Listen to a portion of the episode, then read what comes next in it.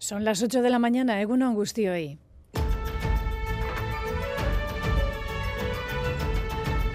Crónica de Euskadi con Aichiber Bilbao.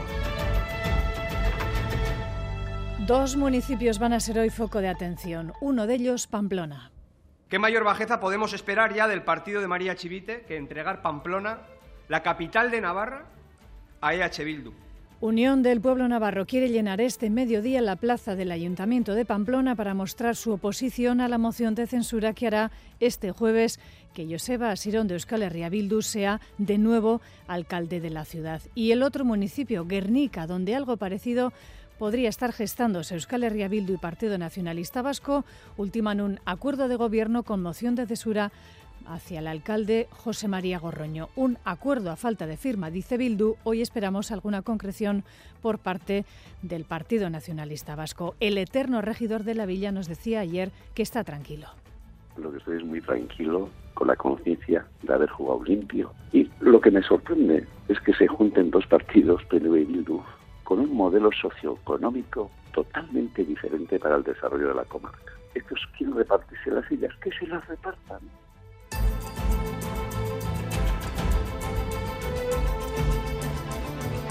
En página internacional, en la guerra entre Israel y Gaza, una nueva negociación para la liberación de rehenes podría estar trabajándose, así lo ha sugerido el primer ministro de Israel, Benjamin Netanyahu. Jamás exige para ello un alto al fuego en la zona. Por cierto, el drama que viven miles de palestinos se colaba ayer en la entrega de los premios Forqué, premios de cine, donde una vez más, 20.000 especies de abejas de Estíbaliz Urresola se alza con otro galardón, el premio a la mejor película de ficción y también al de los valores en el cine.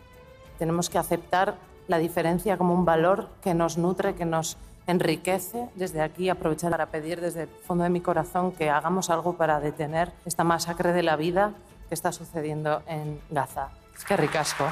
Y otro nombre propio, el de la Versolari Yone Ibarzábal, que ayer revalidaba su título de Chapeldún entre los Versolaris de Vizcaya. Y un tercero, un nombre o un mote, el Chopo, que desde ayer tiene una escultura frente a San Mamés.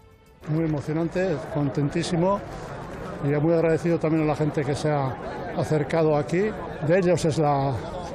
El sitio es de ellos. Además me ha, me ha gustado que me ha puesto la nariz un poco respingona. Nariz respingona de El Chopo de José Ángel Iribar. Desde ayer una escultura frente a San Mamés, Nerea Ibarzábal, campeona por segunda vez consecutiva, en este caso de los Bercholaris de Vizcaya. Titulares ahora estrictamente deportivos. John Zubieta, Egunon. Egunon, comenzamos por fútbol porque el Athletic vivió una jornada pletórica con su triunfo por 2-0 ante el Atlético de Madrid.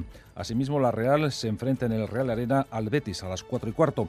En la Liga F tenemos buenos resultados porque en su duelo ante el Atlético de Madrid la Real Sociedad empató a 1. Además, el Ibar ganó 3-2 al Betis. Además, el Athletic se cita con el Sevilla a las 6 y media. En segunda división, el Eibar juega frente al Alcorcón, último clasificado, y el Amorebieta frente al Zaragoza. En baloncesto, derrota de Bilbao Basket, cayó en Gran Canaria por 83-75 y a las 6 juega Basconia ante el Barcelona. Asimismo, destacamos en las féminas el triunfo del IDK ante el Ensino y la derrota del Araski en Valencia.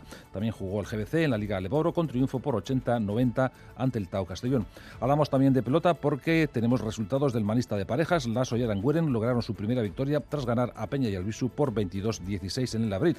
Y en Barcelona, reaparición de Altuna, que haciendo pareja con Martija perdió 22-21 ante Ezcurdia y Tolosa. Y esta tarde, en el Astrena de Ibar, se miden Erori y Rezusta frente a Pello Echeverría y Zabaleta. Además, tenemos la final femenina del 4 y medio en Durango con Alday y Zabaleta. Y por último, un balomano de decepción, ya que el Vidasoa se quedó en las puertas de la final de la Copa España tras caer ante el Logroño por la mínima 27-28. Vamos ahora con la previsión del tiempo para las próximas horas. Nayara Barredo, Euskalmet, Egunon. Egunon, hoy tendremos una jornada estable y soleada, aunque en algunas zonas del interior se ha formado niebla y puede que puntualmente no levante hasta el mediodía. En el resto, cielo despejado desde primeras horas y ambiente frío por la mañana con temperaturas bajo cero en el interior. En las horas centrales del día las temperaturas podrán subir un poco más que ayer en la mitad norte, pero en las zonas eh, marcadas por la niebla el ambiente será frío. Por la noche además volverán a registrarse heladas en el interior. Por lo tanto, hoy el sol lucirá durante todo el día, salvo en zonas afectadas por la niebla, y las temperaturas serán muy frías a primeras y últimas horas. En carreteras, el Departamento de Seguridad pide precaución en la Nacional 240 en Lemoa, sentido Bilbao. Un vehículo accidentado se encuentra ocupando parte de la calzada. Hace unos minutos que ha llegado la grúa, pero como decimos, la Archancha pide precaución si circulan por este punto. Nacional 240, Lemoa, sentido Bilbao. Un saludo de los compañeros y compañeras de la redacción de esta crónica de Euskadi fin de semana en el control técnico coordinan Josebo Ruela e Iker Aranaz. Las 8 y 5 comenzamos.